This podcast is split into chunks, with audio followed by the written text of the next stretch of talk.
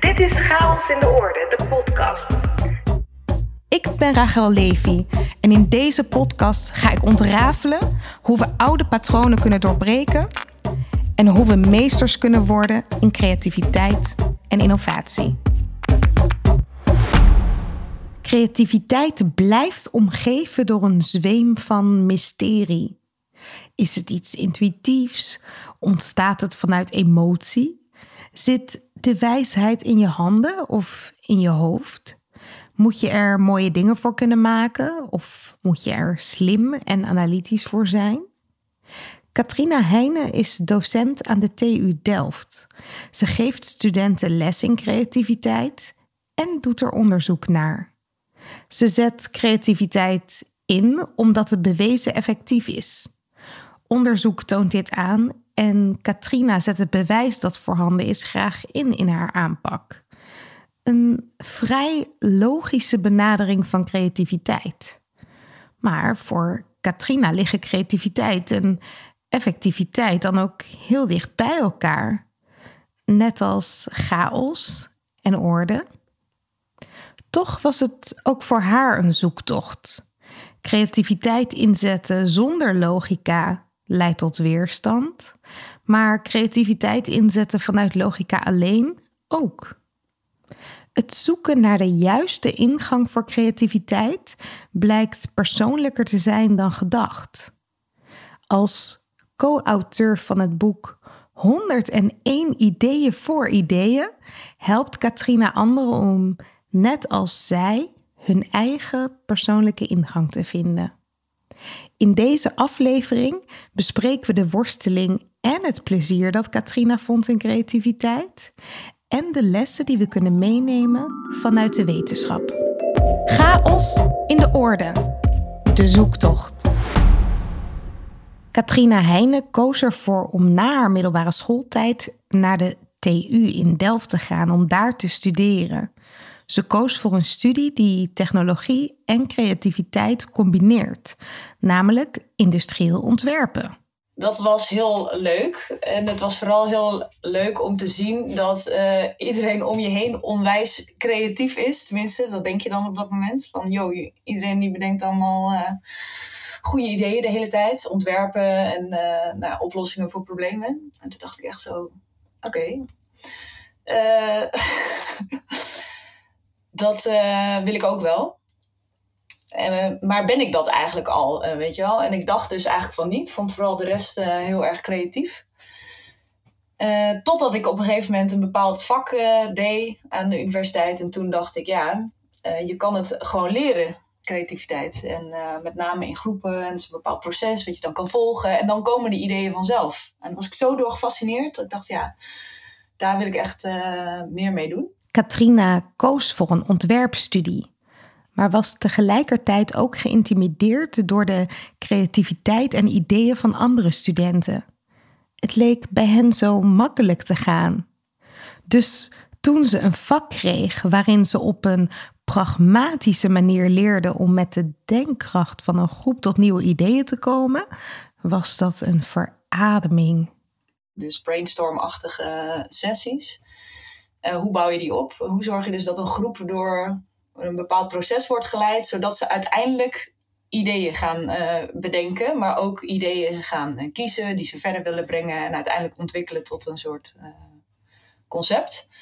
Dus dat waren, je ging gewoon elke, elke dag of elke, elke les dat je weer had, ging je weer opnieuw een sessie gewoon doen, gewoon oefenen. En je was of dus de begeleider van het proces, of je was deelnemer van het proces. En elke, ja, het werd gewoon, je moest het gewoon doen. Gewoon elke keer opnieuw en opnieuw en opnieuw ging je die sessie oefenen. En zo werd je steeds beter. Uh, en kwam je er ook gewoon achter dat, ja, wat wel werkt en wat niet werkt. Maar het was gewoon een keer geen theorie, maar het was gewoon doen.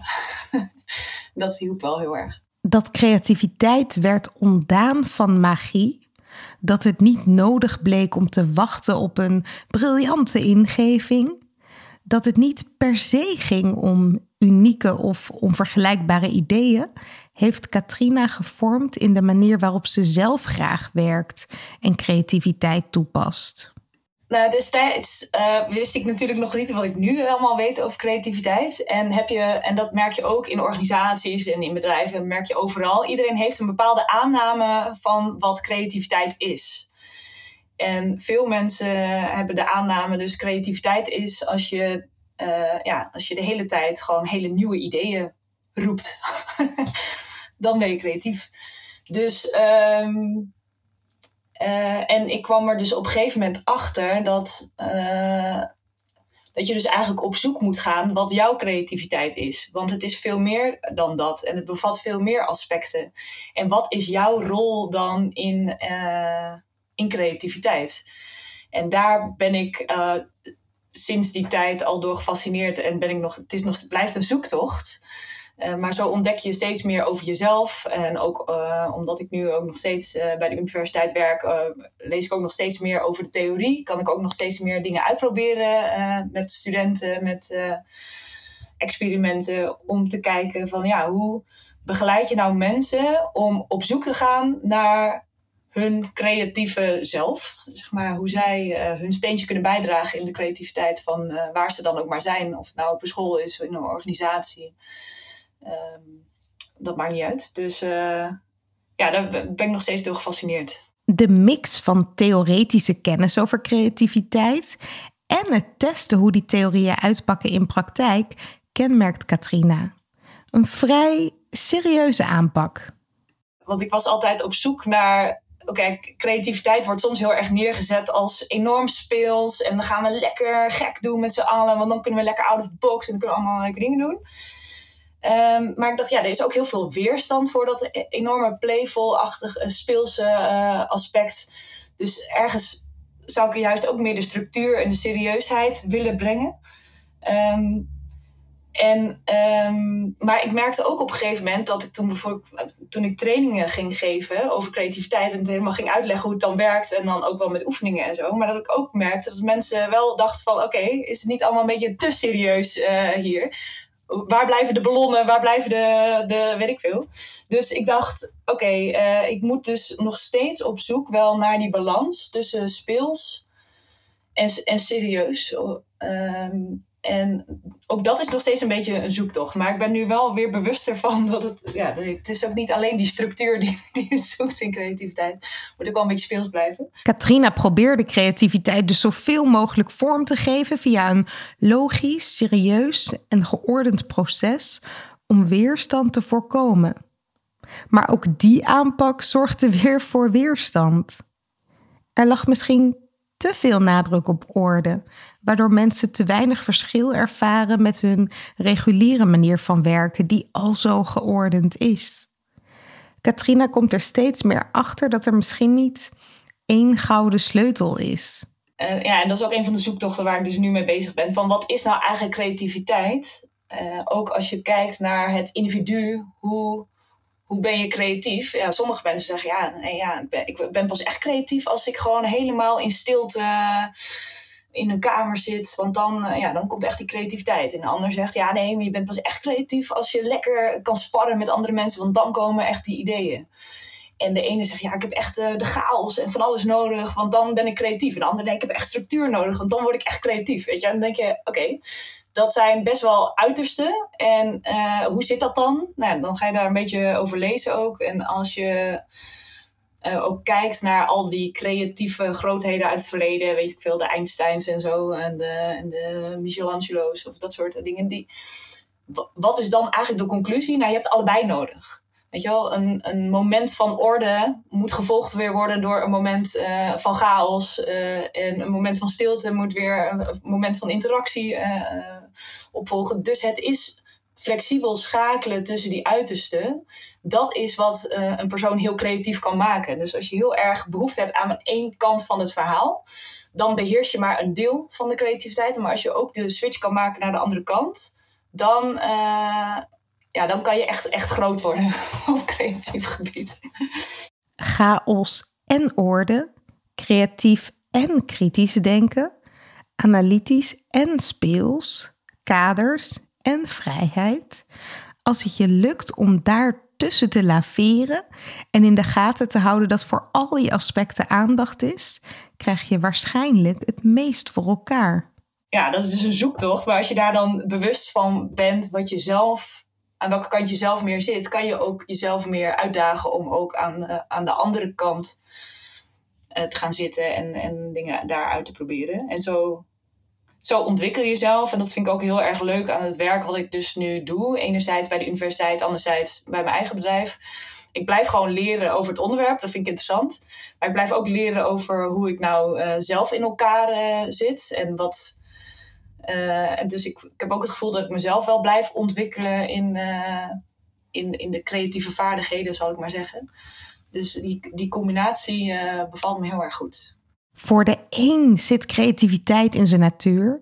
Voor de ander is creativiteit een vaardigheid om te leren. Maar het goede nieuws is, iedereen kan creatief zijn. Katrina zag het leren van creativiteit als een persoonlijke ontdekkingstocht, waarin ze voortdurend heen en weer werd geslingerd. Dus op een gegeven moment ontdekte ik dat vak. Oké, je kan creativiteit structureren in groepen en dan komt er wel iets uit dus toen dacht ik op dat moment, yo, structuur, yo, dat is echt, dat is echt briljant. Dat, dat moet je gewoon hebben, dat moet je doen. En dat, nou, daar, daar sloeg ik dan best wel waarschijnlijk in door, inderdaad. Van dus uh, gewoon het hele proces structureren. En dan geloof ik trouwens nog steeds wel in, zeker in een groepsetting, waarin je natuurlijk te maken hebt met allemaal verschillende mensen, met allemaal hun verschillende voorkeuren en hun verschillende manieren van doen. Dan heb je ook wel een bepaald structuur nodig, zodat iedereen uh, uh, zich op zijn beste manier kan laten zien op bepaalde uh, momenten. Maar goed, ik geloof inderdaad op een gegeven moment heel erg in die structuur. En dan ga je dat dus overal in toepassen. En vervolgens ontdek je dan dus bijvoorbeeld wanneer je training geeft, wel, dus dan proef je wel in de zaal bepaalde dingen van, ja, is dit, is, dit, is dit het dan, de structuur? Is er niet veel meer? En ja, er is meer. Maar het kostte tijd om daarachter te komen. Inmiddels gaf Katrina zelf dat vak aan de TU dat ze als student zo leuk vond. Een creatief vak. En zo gestructureerd als Katrina is, besloot ze voor studenten een stap-voor-stap roadmap for creative problem solving techniques te schrijven.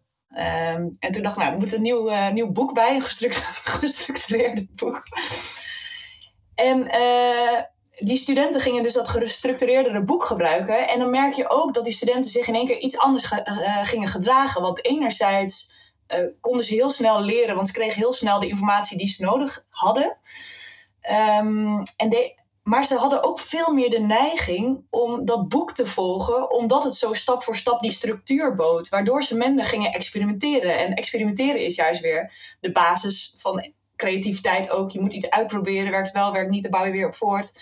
En toen dachten we weer, well ja, het heeft heel veel voordelen dat we, dat we nu meer structuur bieden, meer handvatten om echt aan de slag te gaan met het begeleiden van creatieve sessies. Maar er gaat ook een stukje verloren omdat ze minder de neiging hebben om te experimenteren, omdat ze zo gestructureerd uh, uh, gestuurd worden. Katrina kon dankzij het gedrag van haar studenten heel goed aanschouwen hoe belangrijk de balans is tussen kaders en kaders loslaten. Door het werken met studenten kon ze ook goed aanschouwen in welke omstandigheden creativiteit wel en niet kan ontstaan. Ja, dus om creatiever te kunnen zijn, moet je natuurlijk gekke ideeën kunnen delen. Uh, dus wij hadden heel erg ingezet in die groep op: oké, we moeten echt een safe space uh, creëren. Nou, en dat werd ook wel lekker overgenomen door die studenten op zich. Ja, lekker safe space, wel belangrijk. Alleen toen op een gegeven moment, toen was er ook, waren er ook een paar studenten, ja, die waren dan even iets, iets minder lekker bezig, zou ik maar zeggen. Dus toen zei ik ook tegen ze, ja jongens, uh, kom op, even aan de bak. En dat vonden ze een beetje confronterend hoe ik dat uh, iets te direct zei. En zeiden, ja, het is toch een safe space. Uh, van ho hoezo, ja, hoezo doe je nou zo? En toen dacht ik, ja, wacht eens even. creativiteit, creativiteit, daar is niks comfortabels aan. Creativiteit is, er ontstaan nieuwe dingen. Je weet niet waar je naartoe gaat. Um, hoe kan dat dan eigenlijk een safe space zijn, want het is niet comfortabel. Dat, dat is wel de misvatting. Je moet wel durven, je moet wel iets nieuws doen. Dus je moet echt. Dus toen dachten we, ja, nee, we moeten het anders doen. Het volgende jaar gingen we dus de Brave Space uh, introduceren. Dus geen safe space, nee, de Brave Space. Dus uh, iets spannender dan safe, maar nog steeds onderdeel van de Brave Space is wel een bepaalde safeheid. Maar wel proberen af en toe uit die comfortzone te stappen, af en toe een nieuw experiment te doen. En, uh, en wij moeten dan proberen te zorgen dat ze niet echt in die panic space uh, terechtkomen, want dat zou nog weer een stap verder zijn. Dus wel nog net gecontroleerd, maar wel uh, ja, dingen blijven proberen, iets nieuws. En ook buiten die groep van studenten af en toe iets, iets te durven doen wat andere studenten misschien niet doen door met zoveel jonge mensen te werken, is Katrina ook gaan waarderen dat creativiteit er bij iedereen anders uitziet. Ze stimuleert haar studenten ook bij zichzelf te ontdekken wat hun specifieke superkracht is. Ja, de ene die, die bedenkt inderdaad de een naar het andere idee, wordt uit de mouw uh, geschud. En die, die vinden dan met z'n allen heel creatief. Maar juist die mensen die nou, dus zo'n gek idee van iemand anders horen. En denken, oké, hoe gaan we dit nou implementeren? En het lukt daadwerkelijk om iets wat daarop lijkt dan uiteindelijk te implementeren. Ja, daar zit enorme creativiteit uh, in. Maar dat moet je wel eerst in jezelf herkennen en waarderen. En als je dat eenmaal herkent dat dat jouw superkracht is, dan kan je het natuurlijk ook veel meer benutten. Juist die individuele zoektocht naar creativiteit intrigeert Katrina. Ze maakte hem zelf door en nog steeds, maar ze wil anderen ook motiveren om individueel te onderzoeken hoe creativiteit voor hen werkt. Samen met collega's vertaalde ze het werk van Fransman Guy Asnar. 101 ideeën voor ideeën. En ze voegde daar met hulp van Nederlandse experts extra ideeën aan toe. En daardoor kreeg haar eigen zoektocht ook weer een heel nieuwe dimensie. In dat boek ga je gaan we dus ook op zoek naar wat zijn jouw voorkeuren. En de, nou, er staan 101 manieren in om creatief te zijn. En, en, en sommige zijn heel gestructureerd en andere heel vrij. En sommige zijn heel erg gericht op wat neem je waar in je omgeving. Uh, weet ik wel, je ziet hier voor je neus een, een, kopje staan. Hoe kan dat inspireren tot nieuwe ideeën? Maar het kan, je kan ook veel meer vanuit je emotie of vanuit je gevoel of vanuit je verbeelding. Nou, en toen waren we dus bezig met heel veel uh, ideeën uh, of technieken daarin te verzamelen. Want er was ook al een database. Het is eigenlijk een vertaling van een Frans boek. Dus er, er was al een hele set technieken beschikbaar. En er was één groep van die technieken en daar snapte ik helemaal niks van. Ik dacht, nou, wat moeten we nou met deze technieken? Die, volgens, nou, die werken niet, die, moet, die moeten er misschien maar gewoon uit, want die snap ik niet. Dus ik ging wel nog even met wat andere mensen checken van, uh, ja, wat vinden jullie nou van deze technieken? Snappen jullie die? Ja, dat is een briljante techniek, joh. En echt zo, En toen, uh, nou ja, dan ging er weer een nieuwe wereld uh, voor me open. Want die uh, technieken, die, die, werden helemaal, die, die zetten 100% in op verbeelding. Dus je bedenkt iets in je hoofd. En uh, ja, in je hoofd kunnen natuurlijk allemaal visualisaties en, en, en oplossingen ontstaan. En ik, nou, en ik snapte het eigenlijk nog steeds niet. Totdat ik er dus achter kwam dat ik dus helemaal niet in staat ben om in beelden uh, te denken. Nou, best wel, best wel veel mensen hebben dat blijkbaar, uh, 10% of zo. Dit was een enorme eye-opener voor Katrina. Als iemand haar vroeg om zich iets te verbeelden, zelfs zoiets simpels als een appel, zag zij dus niets voor zich. Ze kon niet in beelden denken. Afantasia noemen ze dit. Dus creatieve technieken die via verbeeldingskrachten werken, deden voor Katrina helemaal niets. Maar voor haar collega's juist wel conclusie is eigenlijk, je hebt al 101 technieken en sommige liggen je gewoon heel erg en andere snap je helemaal niks van. Maar het werkt allemaal voor bepaalde mensen. Uh, en, en het is dus leuk om uiteindelijk nou, in eerste instantie uh, die technieken te oefenen die jou heel goed liggen. En op een gegeven moment, als je daar wel vertrouwd mee raakt, ja, dan moet je eens een keer van die gekke uh, technieken gaan gebruiken, die voor anderen heel goed werken, maar voor jou misschien niet. Maar dat kan je dan wel leren. En dan leer je dus ook weer, als we weer teruggaan over die uiterste, met dat orde en chaos of andere dingen. Dan leer je dus ook om op verschillende manieren je creativiteit te gebruiken en te ontwikkelen. Ja, het is toch uiteindelijk wel een soort spier hè, die je traint. Het besef dat creativiteit voor iedereen anders werkt en ook iets anders betekent, is heel belangrijk. Dus als je je organisatie creatiever zou willen maken, wat bedoel je daar dan eigenlijk mee? En iedereen heeft daar dan een bepaald beeld bij. En sommigen denken, ja, dat is echt, uh, dat moeten we echt, we moeten echt creatief worden. En anderen denken, nou, uh, nee, dat, dat hoeft niet. Misschien kunnen we beter gewoon efficiënter of zo uh, worden. Dus, maar het, het is maar net natuurlijk hoe, hoe je creativiteit definieert. Een, een hele belangrijke tussenstap daarin is nog van hoe creatief wil die organisatie eigenlijk worden? En willen ze überhaupt creatiever? Of misschien willen ze wel iets minder creatief worden. Dat kan ook nog. Dat komt niet heel vaak voor, maar dat, dat zou ook nog kunnen. Maar je moet wel met elkaar als organisatie dus definiëren wat is dan de. Uh, waar willen we dan eigenlijk precies naartoe? En wat betekent dat dan uh, creatiever zijn? En hoe kunnen we dat dan dus inderdaad uh, oplossen? Maar die stap van het samen definiëren wat dat dan is, die is gewoon essentieel. Als Katrina met studenten werkt aan hun creativiteit, gaat ze uit van drie pijlers uit de literatuur van Amabile. De eerste pijler is het onderzoeken van hun motivatie. Wanneer heb jij behoefte aan creativiteit en wat heb jij nodig om creatief te zijn? En die andere twee zijn, je moet kennis hebben van uh, creatieve vaardigheden of skills. Dus je moet iets weten over het creatieve proces of dat soort dingen.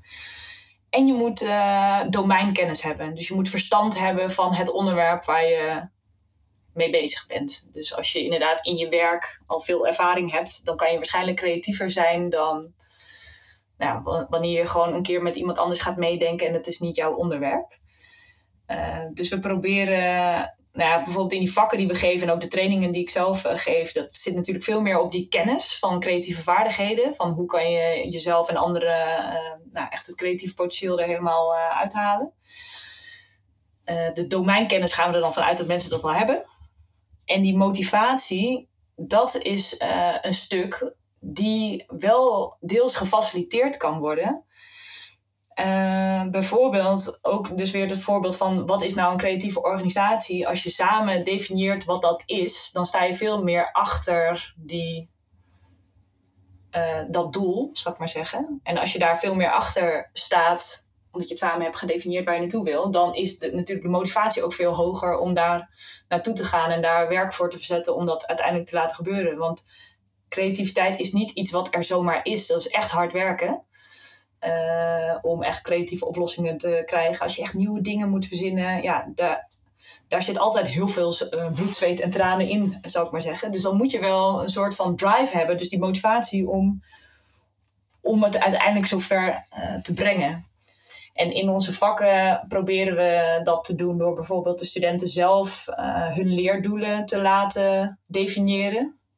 In de vorm van een, ze moeten vaak dan een ehm, een object maken, een 3D-object, wat dan uh, een of ander creatief nou, knutselding, bij wijze van spreken, maar het kan ook iets anders, een object, kunstobject, die dus voor hun uh, metafoor staat voor uh, wat wil ik nou uit dit vak halen. en dat kunnen ze op hun bureau zetten of ergens ophangen. En dan elke keer als ze weer zien, denken ze, oh ja, daarvoor ben ik bezig. Dit is wat ik belangrijk vind, dit is waar ik naartoe werk. En uh, dus da dat soort dingen uh, proberen wij dus te doen om, ze, ja, om echt die motivatie te verhogen. Motivatie, creatieve vaardigheden en domeinkennis. Zonder motivatie is er geen draagvlak voor creativiteit. Zonder creatieve vaardigheden is er misschien wel de wil, maar niet de weg.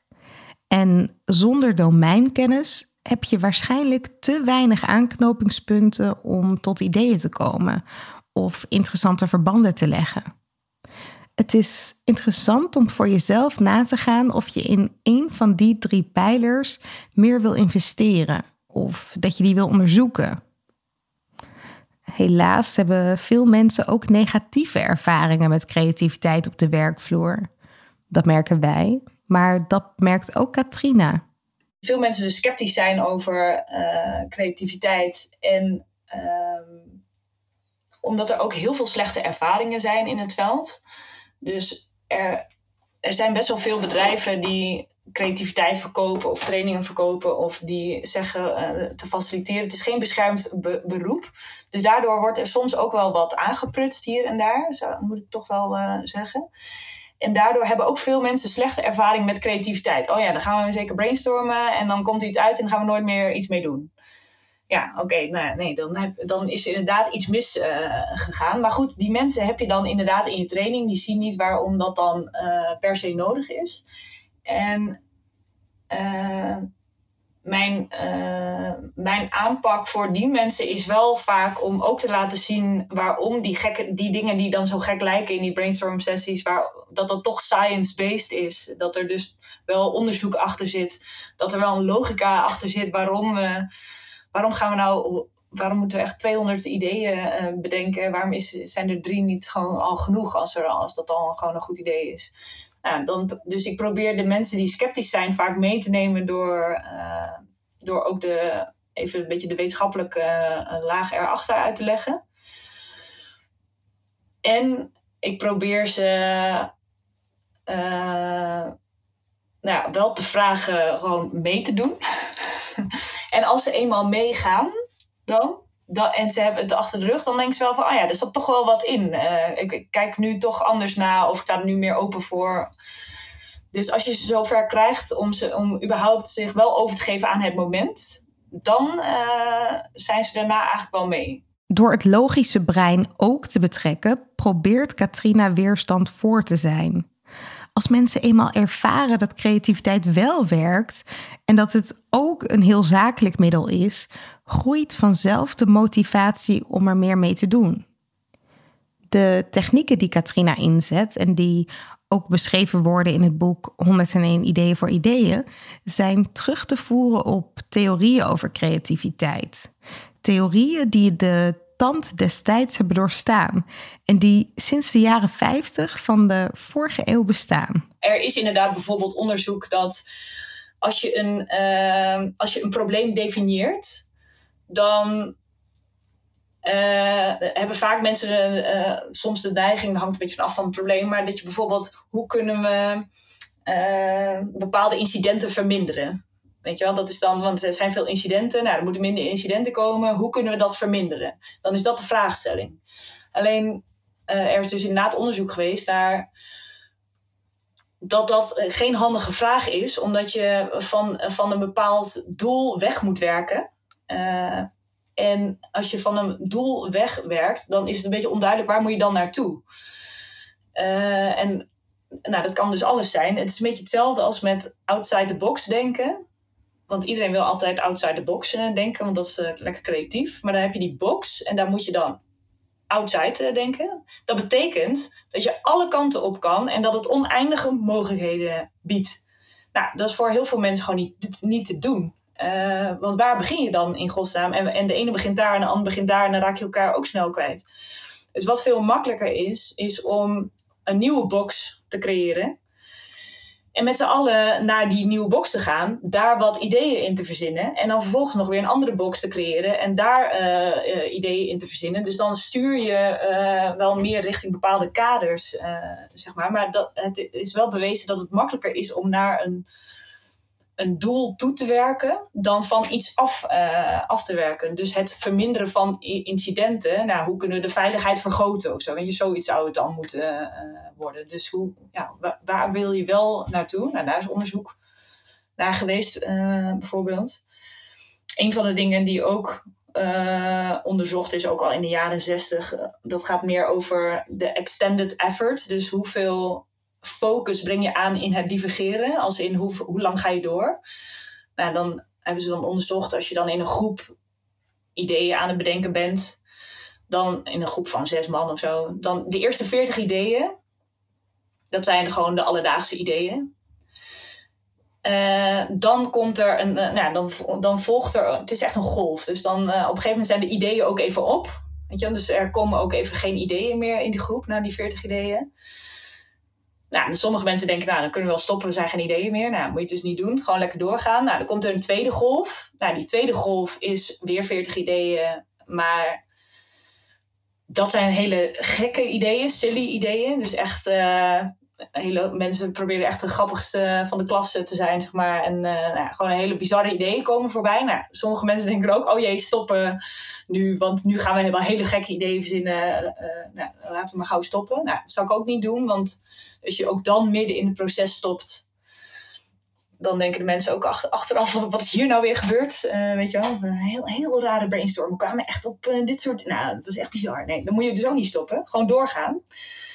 Want na die weer 40 ideeën dus, komt de derde golf. En dat is het moment waar die alledaagse ideeën worden gecombineerd met een beetje die gekke ideeën. En dat bouw je dan samen op voort. En dan in één keer uh, ontstaan echt die nieuwe, gecombineerd met bruikbare ideeën. Creativiteit is het proces dat leidt tot nieuwe en bruikbare oplossingen voor gegeven problemen. Zo stelt Teresa Amabile in haar theorie. Dus creativiteit gaat niet alleen over nieuw, out of the box, origineel. Het gaat over nieuw en bruikbaar. Dus, uh, en daar is ook onderzoek wel helemaal over eens.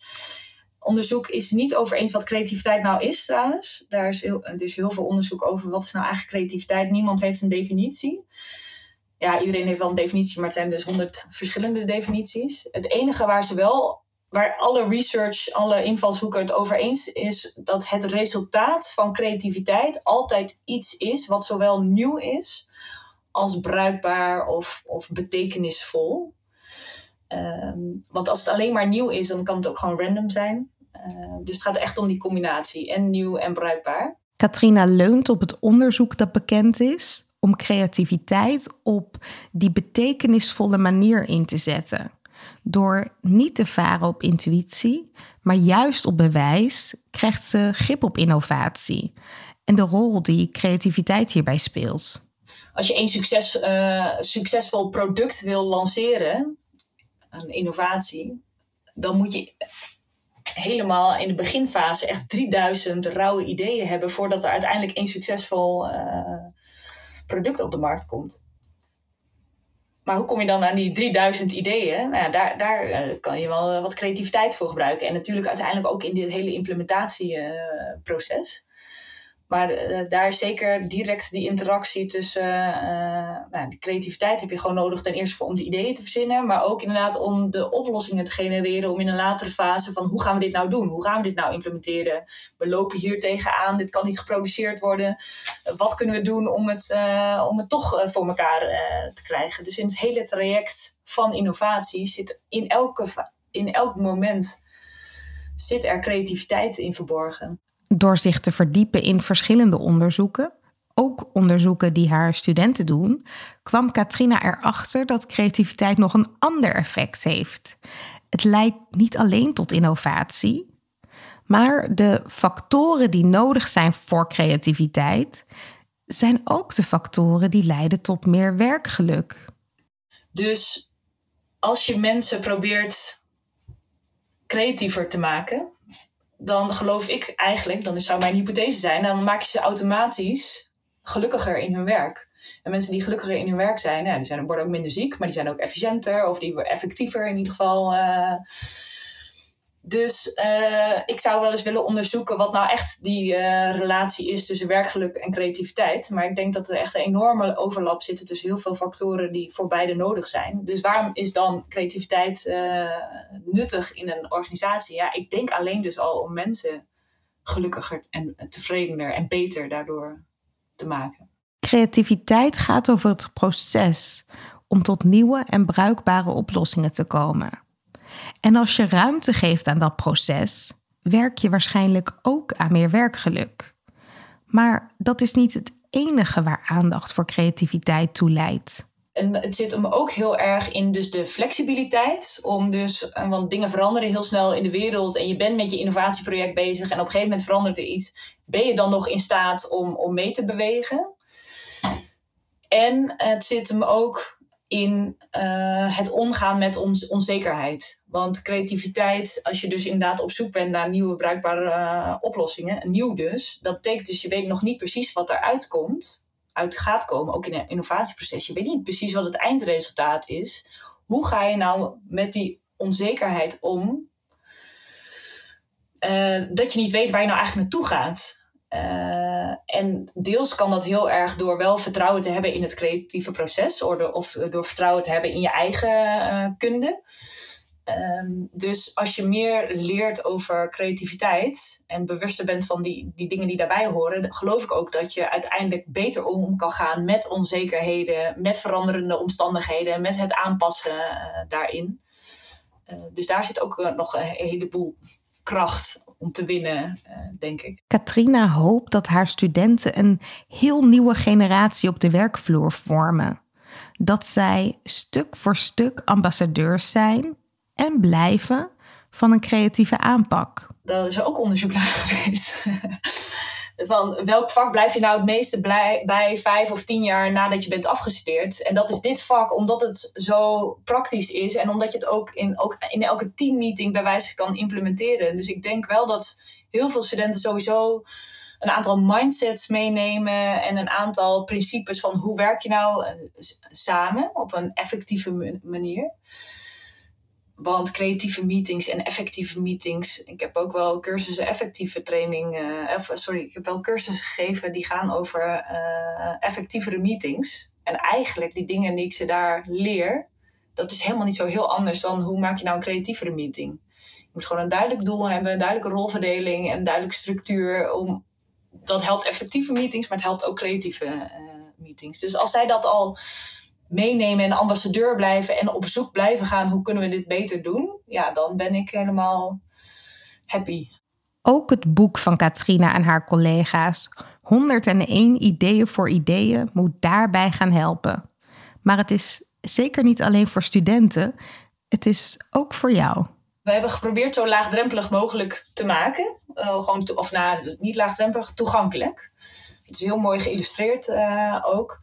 Het, nou, we hopen dus dat met dit boek mensen uh, kunnen ontdekken hoe zij creatief zijn. Dus niet hoe creatief ben je, nee, maar hoe uh, ben je creatief. En dat ze dan gaan experimenteren met die verschillende technieken die we ze bieden.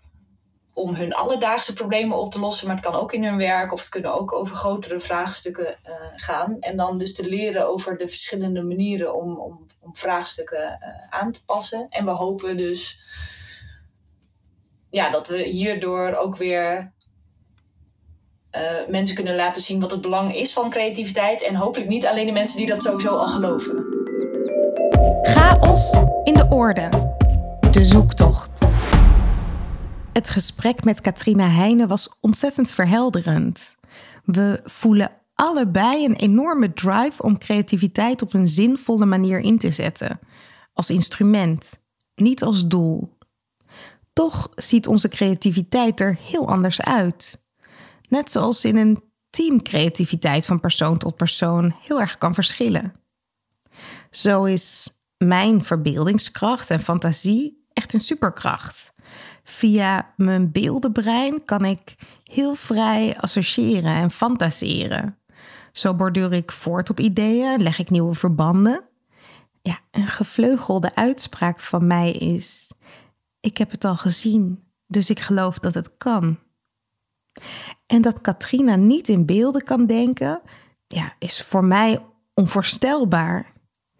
En ongelooflijk leerzaam, want ze wijst me hiermee op een enorme blinde vlek daarom is deze zoektocht ook zo waardevol en interessant.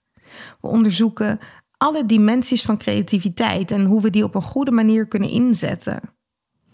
En het besef en begrip van verschillende voorkeurstijlen helpt ons om in het creatieve proces bewuster te kiezen voor bepaalde vormen.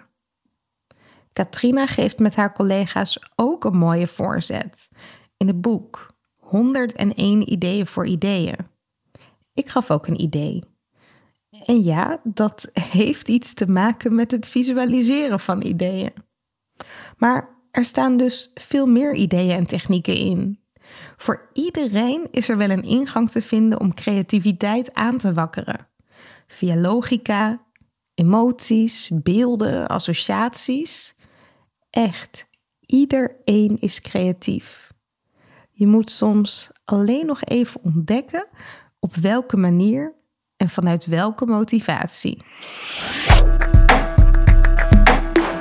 Creativiteit, innovatie.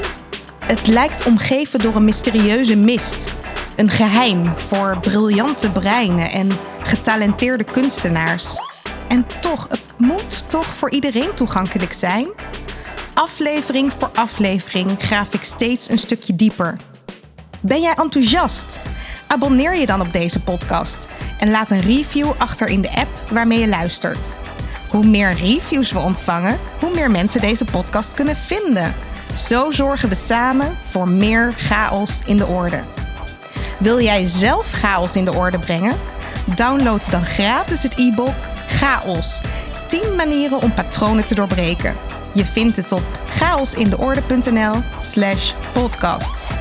Deze podcast wordt je aangeboden door Huis van Verbeelding, het bedrijf voor zakelijke creativiteit. Tot de volgende keer en veel chaos!